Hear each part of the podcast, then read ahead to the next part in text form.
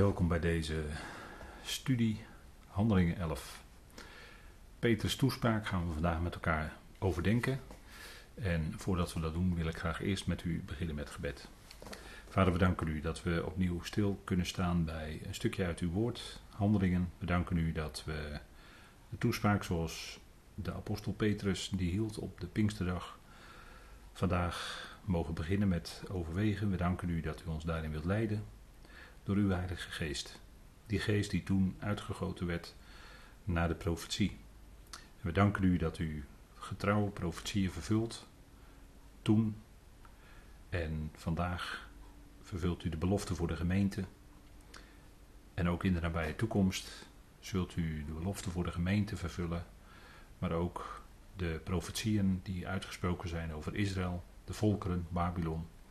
Vader, dank u wel dat u ze getrouw zult vervullen, omdat u een trouwe God bent. U bent waar, u maakt uw woord waar. Al wat u gesproken heeft zal gebeuren. We danken u dat we ook zo dit moment van u mogen ontvangen. Mag het zijn tot opbouw van ons geloof. Geef ons een luisterend hart, dat we de dingen van u mogen verstaan. Vader, geeft u daarin wijsheid tot uw eer. We danken u daarvoor. In de naam van uw geliefde zoon. Amen. Goed, wij kijken in Handelingen 2 vandaag en u ziet uh, op deze slide, deze eerste slide staan Peters toespraak, Handelingen 2 vers 14 tot en met 36, deel 1, want we komen daar vandaag niet doorheen. Wellicht een volgende keer, maar we beginnen maar gewoon en we kijken hoe ver we in deze setting en studie kunnen komen. En we zien hier de vervulling van de belofte. En dat beantwoordt eigenlijk, hebben we gezien in de structuur aan het wachten op de belofte van de Vader. Die belofte die zouden ze biddend afwachten, dat deden ze ook in een woning of in een huis of misschien wel in een gebouw van de tempel of iets dergelijks. Maar het had iets te maken met de nabijheid van de tempel, want dat was een bedehuis voor de volkeren, niet alleen voor Israël, maar ook voor de volkeren. Dus we zien de vervulling van de belofte en dat beantwoordt aan 2 vers 14 of 1 vers 14. En we kijken nu even in de structuur van die toespraak van Petrus. En de vorige keer zijn we geëindigd met het feit dat zij bespot werden en dat er honend werd gezegd: ze hebben zeker te veel zoete wijn gedronken. Petrus beantwoordt die vragen, want de mensen vroegen zich ook af wat dit dan toch was. En ze spotten en hoonden. En die spot plus die vragen, die werden beantwoord in 2 vers 14 en 15, 2 vers 18b, 2 vers 22 tot 24, 2 vers 29 tot 33 en 2 vers 36. Dus men krijgt door Heilige Geest geleid van Petrus uitgebreid antwoord. En dan zien we in de structuur steeds dat inspringende stukje. De schrift vervult, 2 vers 16 tot 18a, 2 vers 19 tot 21, schrift nog te vervullen. De schrift vervult 2 vers 25 tot 28, dat gaat dan over onze Heer. En 2 vers 34 en 35, schrift vervult en nog te vervullen in Christus. Dat is heel wat, maar zo, zit die, zo kun je die toespraak wat gestructureerd zien. Dus Petrus gaat steeds in op de spot en de vragen. En daarbij stelt hij ook tegelijkertijd door Heilige Geest geleid vast dat de schrift vervuld werd en nog zal worden. Want dat is natuurlijk niet alleen toen, maar het zal ook in de toekomst nog vervuld gaan worden. Die betrouwbare schriften, waar we toch elke keer weer op terugvallen.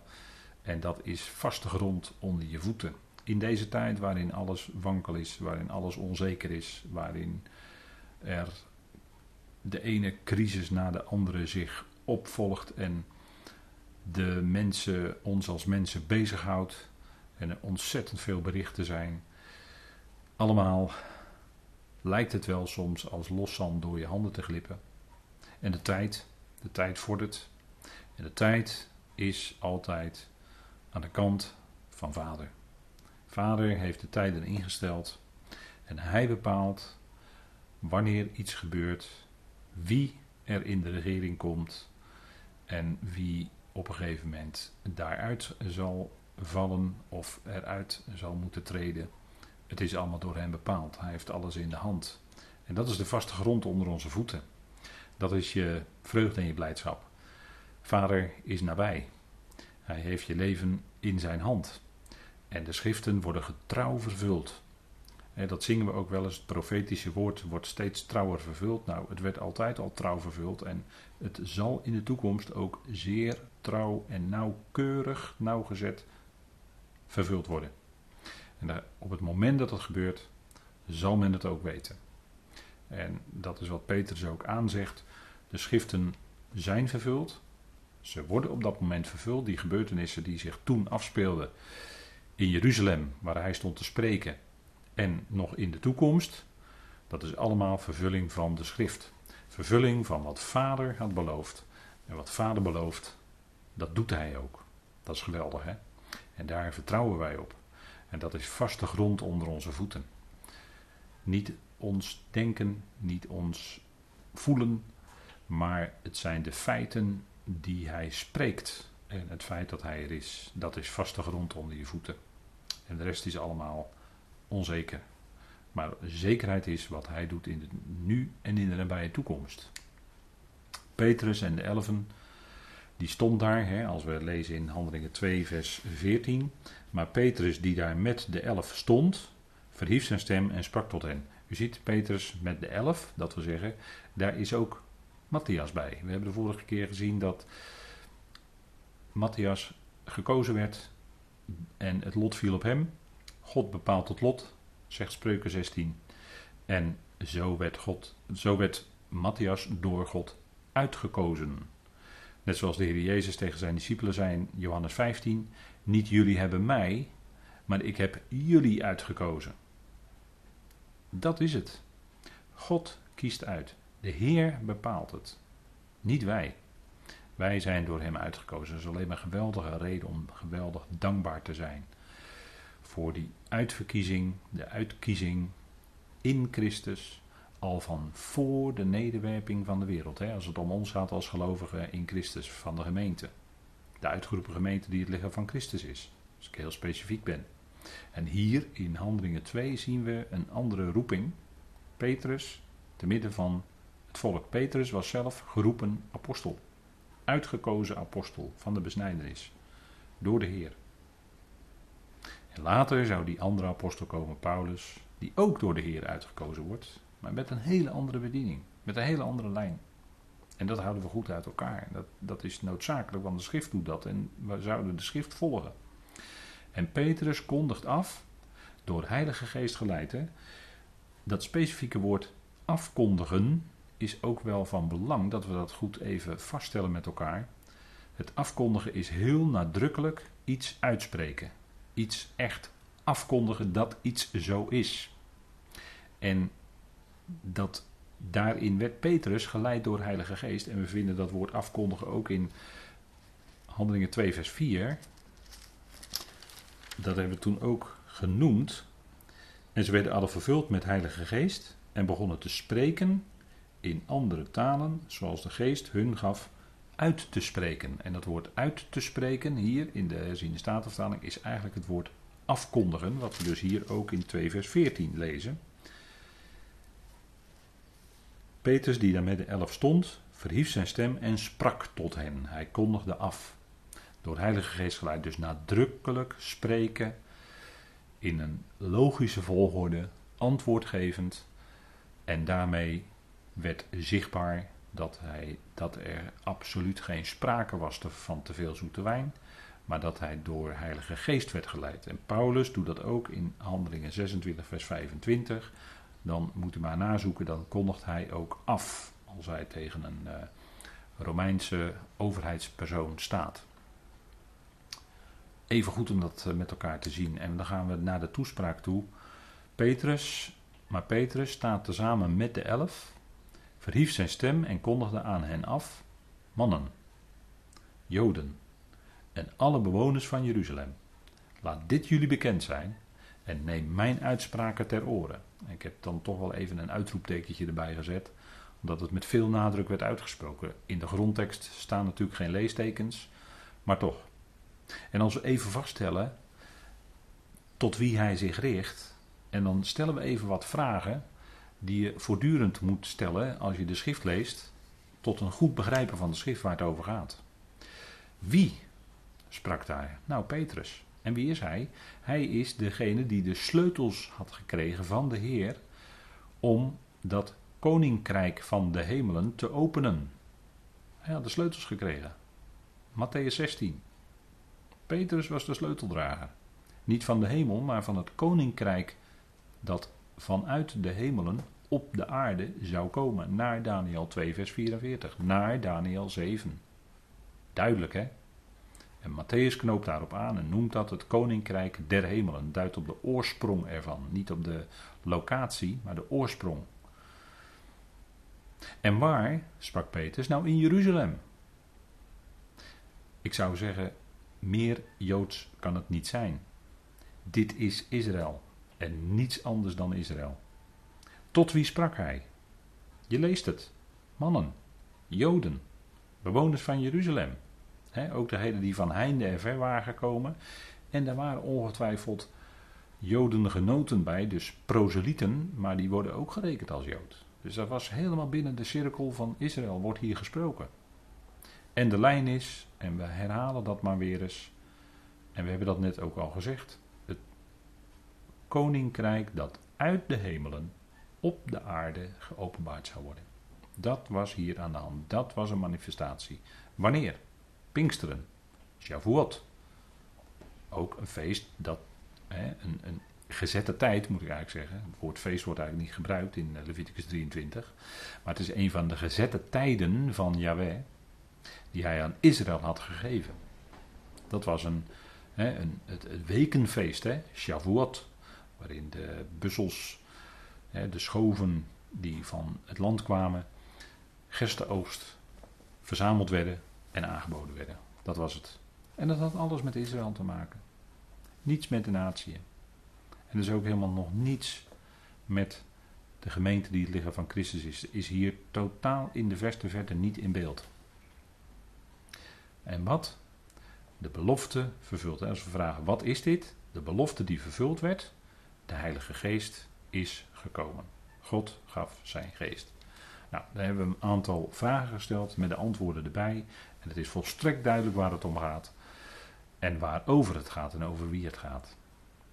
Het gaat dus niet over u en mij. Het gaat helemaal over Israël.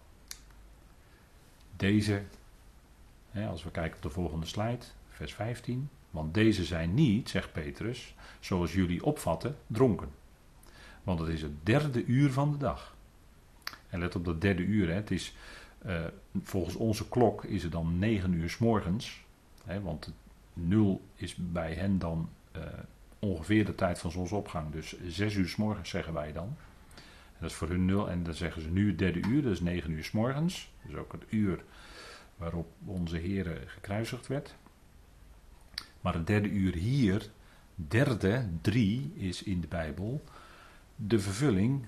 Hè, drie heeft in de schrift, het getal drie heeft te maken met vervulling van de belofte. Drie is verbonden aan de belofte. Net zoals de Heer op de derde dag na de belofte opstond, opgewekt werd uit de dood. Vader deed hem opstaan uit de dood, hij wekte hem op. Dat was op het derde uur, op de derde dag stond hij op. En dit is op het derde uur. Drie, vervulling van de belofte. Hè? Die heeft alles te maken met de belofte die gesproken wordt. En de, dan, dan is de vervulling er bijna al. Want bij de Heer is een woord ook tegelijkertijd een daad. En wordt het vervuld. Het is het derde uur van de dag. En dan geeft Petrus verder antwoord. En dan zegt hij: dit is wat door de profeet Joël uitgesproken is. En het zal zijn in de laatste dagen, zegt God, dat ik van mijn geest zal uitgieten op alle vlees. En hier begint Petrus te citeren uit Joël. En het doet daar door Heilige Geest geleid. En de belofte was, de profetie was, hij zou, God zou van zijn geest uitgieten op alle vlees. En Petrus stelt vast dat het hier bezig is te gebeuren. Het zal zijn in de laatste dagen, dus dat stond. Hè, en de laatste dagen is dan natuurlijk die dagen die voorafgaan aan het aanbreken van het koninkrijk. Anders was niet bekend op dit moment. Dat ik van mijn geest zal uitgieten op alle vlees. En het punt is, Petrus begint te citeren uit Joel 2 vanaf vers 28. Maar dit is een manifestatie, zoals Joel ook had geprofiteerd. En daar wijst dan de Heilige Geest in feite ook op dat God, dat Yahweh, in hun midden is. Dat hij zich manifesteert. Want wij lezen in Joel 2 vers 27, dus het vers dat direct voorafgaat aan. En ik lees het u voor uit de herziene statenvertaling. Dan zult u weten dat ik te midden van. Dan zult u weten, of dan zullen jullie weten dat ik, zegt Yahweh, te midden van Israël ben. Ik, Yahweh, jullie God ben en niemand anders. Mijn volk zal voor de Aion of voor de Olam niet beschaamd worden. Ziet u het eerst in vers 27 zegt God: Ik ben te midden van Israël. En hij stelt vast dat hij het is. Hè? Ik, Yahweh, jullie God. Hè? Dat ik jullie God ben. Dat, is het, dat wordt hiermee aangetoond. En dan staat er ook: Daarna zal het geschieden hè, dat ik mijn geest zal uitstorten op alle vlees. Vers 28. Uw zonen en uw dochters zullen profiteren. En uw ouderen zullen dromen dromen. Uw jonge mannen zullen visioenen zien. Nou, hier zullen we nog wat verder over lezen. Maar Peter stelt dus vast: dit is wat door de profeet Joel uitgesproken werd. En het vers voorafgaand in Joel is dus laat zien dat God in hun midden is. Hiermee wordt aangetoond: God is in hun midden. Hij is aan het werk. Profetie wordt vervuld. Dit is het. En de profeet Joel heeft gesproken. En de naam Joel is ook mooi, hè? dat betekent ja, dat is een afkorting van de naam. Hè? Dat, is, uh, dat houdt ook een, een, belofte in zich. Dat, dat heeft iets, uh, hè? dat is het ja, wij is de naam. Nou, dat eerste deel ja, dat is eigenlijk uh, het eerste deel van de naam Joel. En ja wil zeggen, dat is het toekomstige deel van de naam van Yahweh. Want u weet dat die naam Yahweh betekent ik zal zijn, ik ben, ik was. Dat is eigenlijk de volgorde zoals die naam, hè, want het is eigenlijk een, een samenstelling van uh, werkwoorden. En die naam, dat vatten we dan vaak samen met ik ben. Maar als je het helemaal goed gaat bekijken, is het ik zal zijn, ik ben, ik was. En dan samengevoegd in die naam Yahweh. En dat eerste deel van de naam is dus iets toekomstig. Ik zal er zijn. God. He, Eel is dan God, de Allerhoogste, de onderschikker. Ik zal er zijn, de onderschikker. Zo kun je die naam ook vertalen. En hij heeft uitgesproken dat dit zou gebeuren. En dit, Peter zegt, nu gebeurt het. En dan zegt hij in de volgende versen, vers 18b en 19. En jullie zonen en jullie dochters zullen profiteren. En jullie ouderen zullen dromen dromen.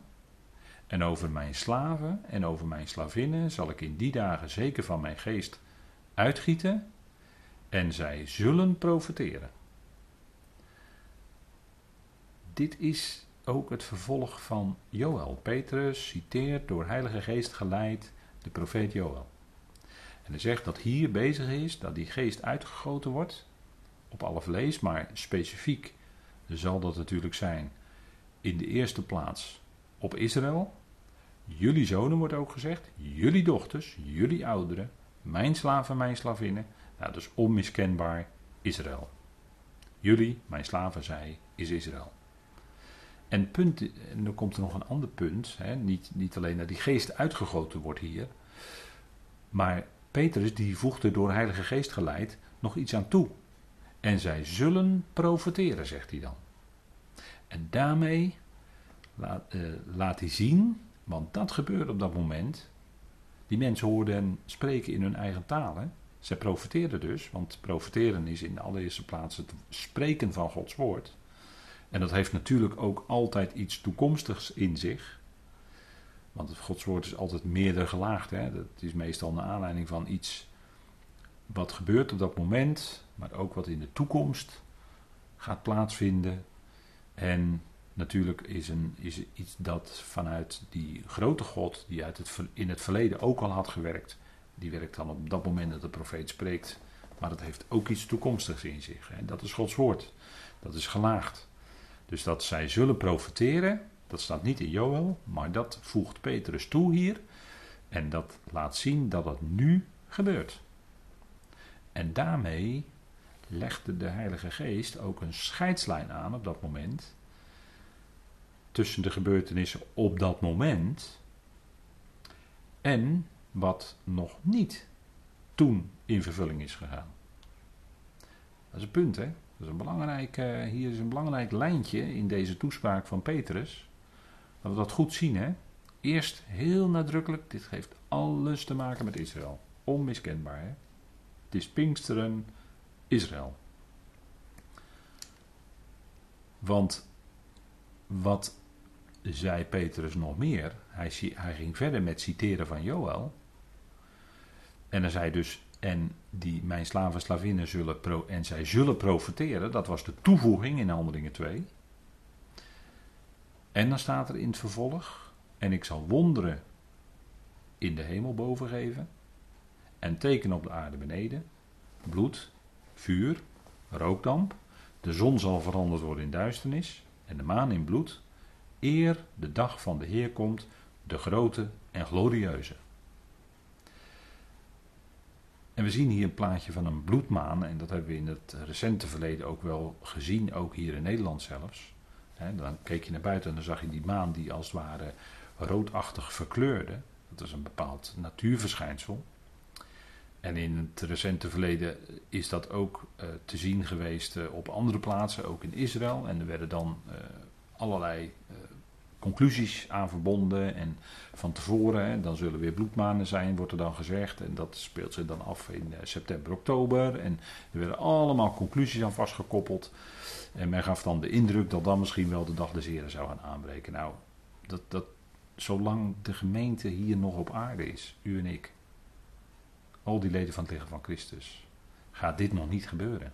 Dat weten wij. En de scheidslijn die wordt aangelegd hier in Handelingen 2 door Petrus, is dat zij zullen profiteren. Dat gebeurde toen.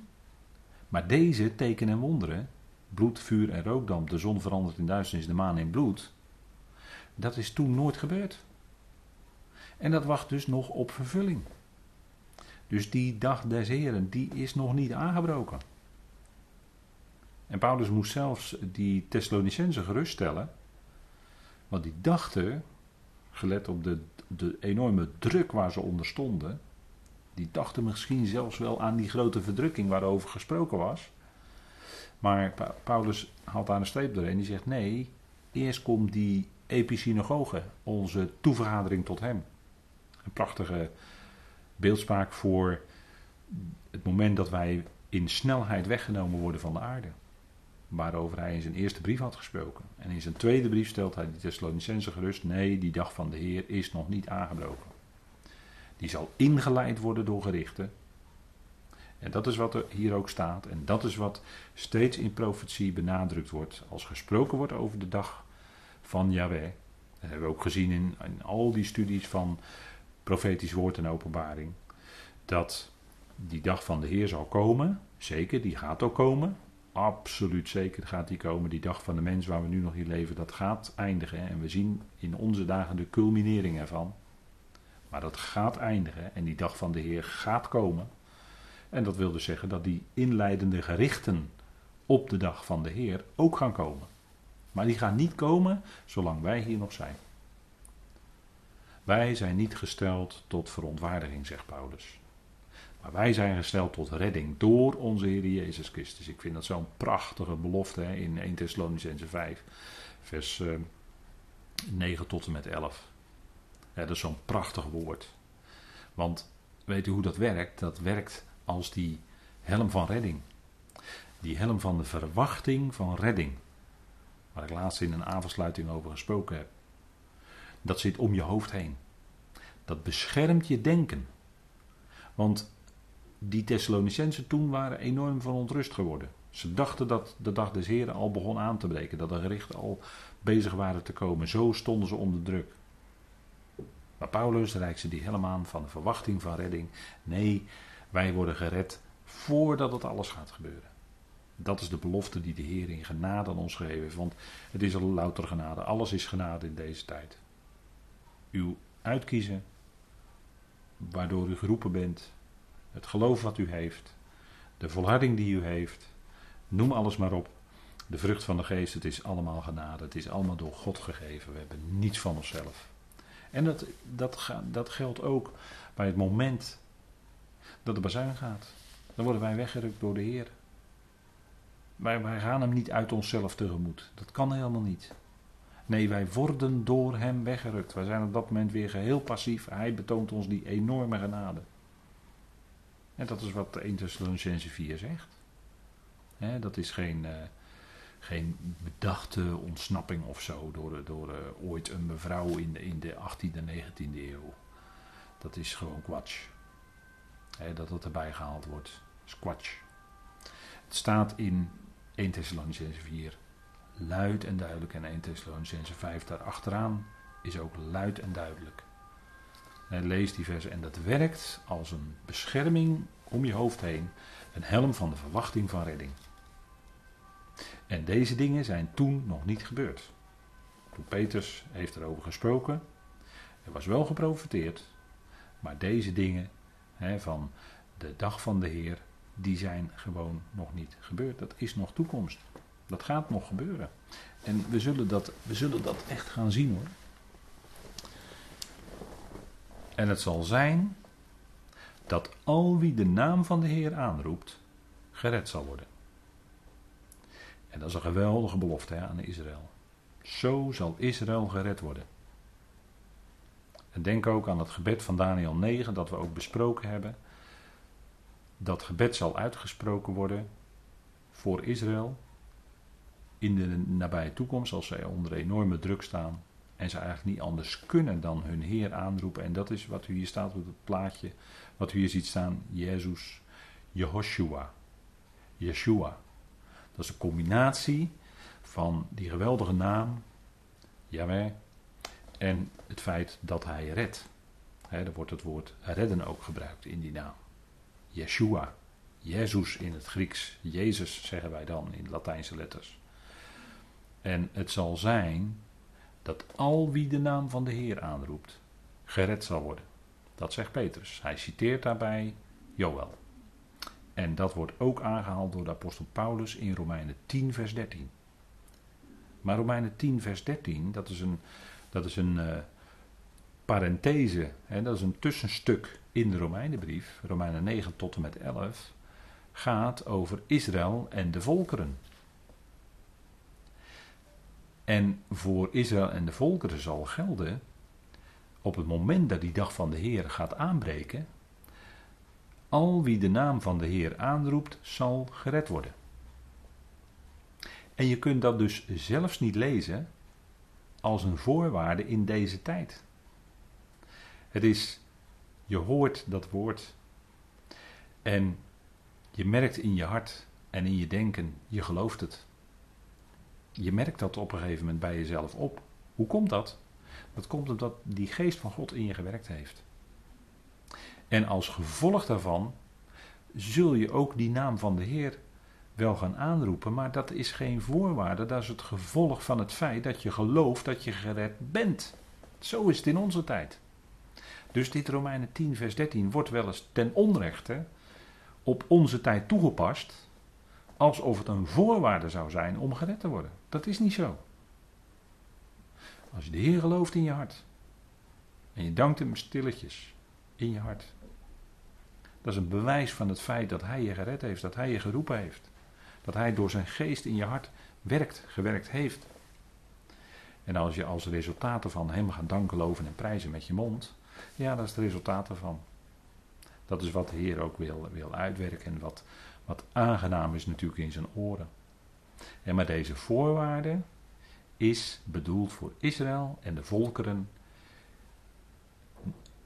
als het bijna de dag des Heren al is en in de dag des Heren. Al wie de naam van de Heer aanroept, zal gered worden. Dat is een belangrijk punt hoor.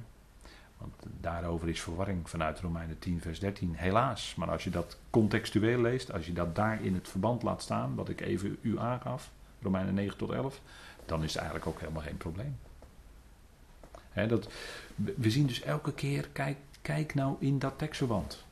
We kijken hier in Handelingen 2 ook nadrukkelijk in dit tekstverband waar dit over gaat, waar dit ermee te maken heeft. En dan kun je niet anders dan concluderen dat dit met Israël te maken heeft en alleen met Israël. En niets anders dan dat. En zo is ook het overgrote deel van de schrift bedoeld voor, gericht aan en toepasbaar op Israël. En in de kielzocht daarvan ook de volkeren. Maar nu in deze tijd van genade zijn het de brieven van de apostel Paulus die het onderricht geven voor het lichaam van Christus. En die roeping van het lichaam van Christus, ja, daarover kunnen we wel iets lezen, omdat het met Paulus te maken heeft in de handelingen. Maar dat is pas later, als die door Heilige Geest, door God geleid, op het toneel komt. Ook dit is een belangrijk punt, hè. En dan zegt, en dan gaat de tekst verder, mannen Israëlieten, hoor deze woorden. Jezus de Nazareër, een man, die tussen jullie door God bewezen is met krachten, wonderen en tekenen, die God door hem gedaan heeft, in jullie midden, zoals jullie zelf hebben gezien. Petrus wordt geleid door Heilige Geest. Hij heeft er wel even gesproken over het uitgieten van de Geest, maar hij wordt geleid door Heilige Geest. Weet u dat deze tekst ook een bewijs daarvan is? Want de Heer Jezus had tegen zijn discipelen gezegd, tegen zijn apostelen gezegd in de opperzaal, vlak voordat hij stierf, dat die geest zou komen en dat hij hem zou verheerlijken. Die geest zou zichzelf niet centraal stellen, zou zichzelf niet verheerlijken. Nee, hij zou hem, Jezus Christus, Christus Jezus, zou hij verheerlijken. Dat is het kenmerk. Dat de geest werkt.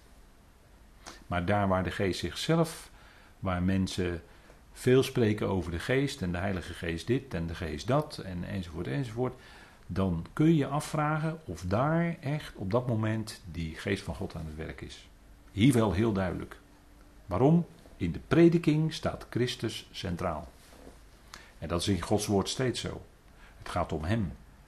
De Torah, de onderwijzing van Israël, spreekt in alle delen, die vijf boeken, die spreken in alle delen van Hem. De psalmen, de geschriften, ze spreken in alle delen van Hem die komen zou, onze Heer Jezus Christus. Paulus' brieven zijn vol van Hem die het hoofd is van het lichaam. Christus Jezus onze Heer. Petrus in zijn toespraak hier stelt Christus centraal. En dat is het bewijs dat Heilige Geest hier aan het werk is. Kijk, dat zijn de dingen waar je op moet letten. Als je toespraken hoort, als je mensen hoort spreken. En hier is het geweldig door Petrus aangegeven. Zijn toespraak draait helemaal om de opgestane, de verheerlijkte Heer. En wordt gericht aan mannen, Israëlieten. Kan het duidelijker zijn aan wie dit gericht wordt? En voor wie dit bestemd is? De tekenen en wonderen, krachten, tekenen en wonderen, waren de dingen die gepaard zouden gaan met de prediking van het evangelie van het koninkrijk. Dat is wat de Heer ook predikte. En dat is wat de profeet ook hadden aangegeven. Krachten, tekenen en wonderen. En straks als die dag des Heren gaat aanbreken, zal dat ook bevestigd worden door tekenen en wonderen. Hebben we net gezien, hè? Maan in bloed, de zon in duisternis veranderd, teken aan de hemel. Dat is het feit. En dat, dat is dus ook tekenen en wonderen hè, in, in de natuur die dan aankondigen dat het koninkrijk gaat komen.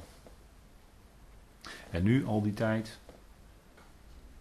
Geen tekenen en wonderen, geen zichtbare krachten, wonderen en tekenen.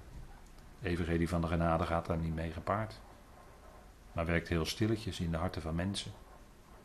Tot eer van God.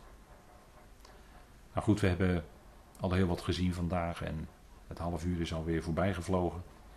We gaan met elkaar de Heer danken. Zullen we dat doen? Vader, we danken u dat we weer een kort moment stil konden staan bij dit belangrijke boek Handelingen. Bij deze toespraak van Petrus, die zo wonderlijk geleid werd door uw geest. Vader, dank u wel dat u ook in onze tijd uw geest doet werken. En dat in onze leven zichtbaar wordt door liefde, vreugde, vrede, geduld, zachtmoedigheid, volharding, trouw, geloof, inhouding. Vader, dank u wel dat die vrucht van de geest in gelovigen zichtbaar wordt. En dank u wel dat daar waarin de prediking uw zoon centraal gesteld wordt, dat is tot eer van uw zoon en tot eer van u. Vader, want het is uw zoon. We danken u dat we u zo mogen daarvoor danken, loven en prijzen. Dank u voor wat u in dit half uur gaf. Dank u dat we daarover mogen nadenken, dat nog eens mogen nazoeken, naslaan. Wat u zegt, Vader, dat is betrouwbaar. Als wij volgen hoe het bedoeld is. Dank u daarvoor dat we zo bij die waarheid van uw woord mogen uitkomen. En dat die trouw van u daaronder zien. En dat het bevestigd wordt. Vader, het is waar wat u zegt. Het is uw liefde. We danken u daarvoor in de machtige naam van uw geliefde Zoon, onze Heer Christus Jezus. Amen.